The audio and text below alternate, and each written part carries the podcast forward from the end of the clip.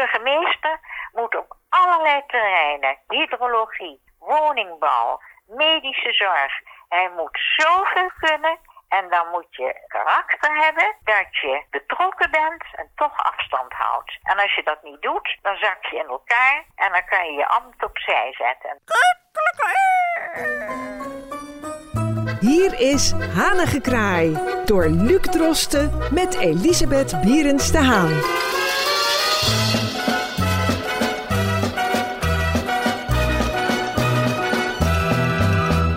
Ja, ik ben inderdaad Luc Drosten en heb per telefonische verbinding wederom contact met Elisabeth Bierens de Haan. Keuls, mevrouw Bierens de Haan, we zijn er weer. Vorige week hebt u het uitgebreid gehad over het idee om een, uh, naast de local burgemeester overigens, een extra hulpburgemeester in het leven te roepen. Mede om het feit dat u vindt dat Femke Halsema als vrouw misschien af en toe niet de daadkracht in huis heeft om haar ambt uh, ja, in te vullen. Vandaag wilde u het hebben over drie burgemeesters uit het verleden die u om een bepaalde reden zijn bijgebleven. Beginnend met de burgemeester die een decennium lang uh, aan het roer van de stad stond. En dat is van 1957 tot 1967 geweest, burgemeester van Hal. Welke, ja. welke herinnering heeft u aan hem, mevrouw Bierens de Haan? Ja, dat was bekend dat soms vond hij die gemeentevergaderingen in de raadzaal te langdradig en, en te zamekerig enzovoort. En dan had hij de krant. En in die krant zat een gaatje. En dan zat hij doorheen te loeren van, oh, ze zijn daar en daar. Dan moet ik wel even opletten. Dus dat is een van zijn dingen. Maar verder hij was met een zeer artistieke vrouw getrouwd. Dus aan de ene kant hij burgemeester en zijn vrouw Giselle was een begenadigd beeldhouwster en uh, kunstenares. Een uh, rustige, gematigde burgemeester waar ik met plezier naar terugkijk met een hele mooie stem. Ja. En dat is prettig, een burgemeester met een mooie stem. Kwamen burgemeesters in der tijd uh, bijvoorbeeld vaak op de radio, dat u zijn stem daarvan herinnert? Of hoe ja, kwam... want hij heeft toen ook de eerste paal geslagen voor toen heette het de Bijlmermeer. En hij heeft de eerste paal geslagen. En dan zie je hoe dat helemaal van de grond kwam. Een grote zandvlakte. En daar is uiteindelijk nu ontstaan wat er allemaal staat. En de burgemeester van Hal, die zie ik nog met een enorme hamer in zijn armen, in zijn handen.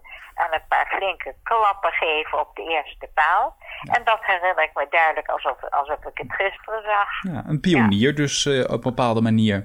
Nou, hij werd. Een aristocratische, rustige burgemeester. Denkt u dat een stad, een willekeurige stad, welvaart bij een, uh, iemand die vooral, laten we zeggen, de rust bewaart. Ik moet dan zelf bijvoorbeeld ook denken aan Duitsland, waar al 15 jaar Angela Merkel natuurlijk de scepter zwaait. Die ook heel erg gekenmerkt wordt door haar behoudendheid, haar rust, haar juist uitstellen of niet nemen van beslissingen. Dat dat ook de sleutel tot succes kan zijn van een bestuurder. En dat klopt.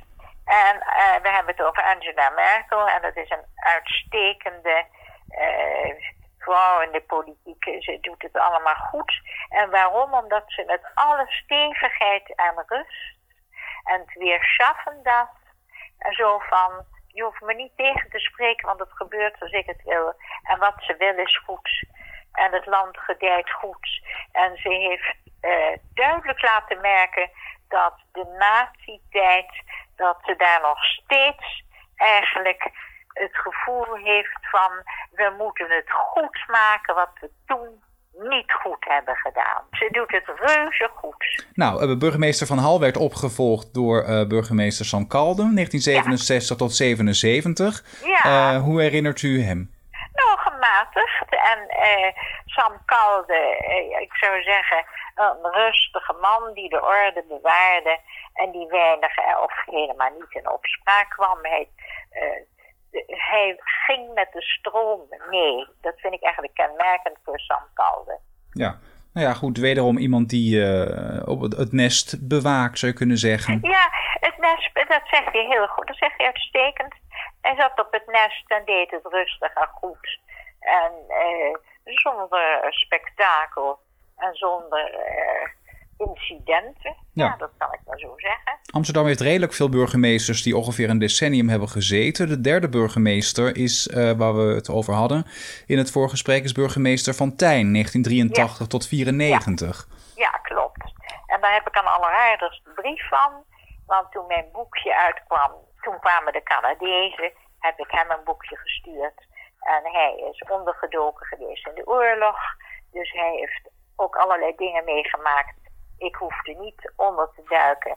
Maar althans, omdat mijn vader katholiek was, moeder Joods. En toen ik van hem een brief kreeg, dacht ik dat is reuze aardig. Die stop ik in mijn dossier. Een beminnelijk, eh, jeugdig elan. Met, eh, ja, een beschouwend mens. Iemand die veel leest, onderlegt, veelzijdig. En een, een waardig burgemeester in die tijd. Ja, wat is eh, voor u eh, de ideale, eh, ja, we zouden kunnen zeggen, vooropleiding of een- de ideale uitgangspositie voor een burgemeester? Is dat een bepaald type opleiding? Is dat een bepaald type achtergrond? Hij moet een breed netwerk hebben en dan moet hij als kapitein op het schip goede aanwijzingen geven. Nou, dat vraagt heel wat. Dan moet Ja. je van goede huizen komen. Het is eh, geen sinecure. Ik heb nog een laatste Het is vraag. niet sinecure, dat zegt hij heel goed. En dat is veel omvangrijker dan vroeger. Ja. De problemen zijn namelijk, Luc, immens.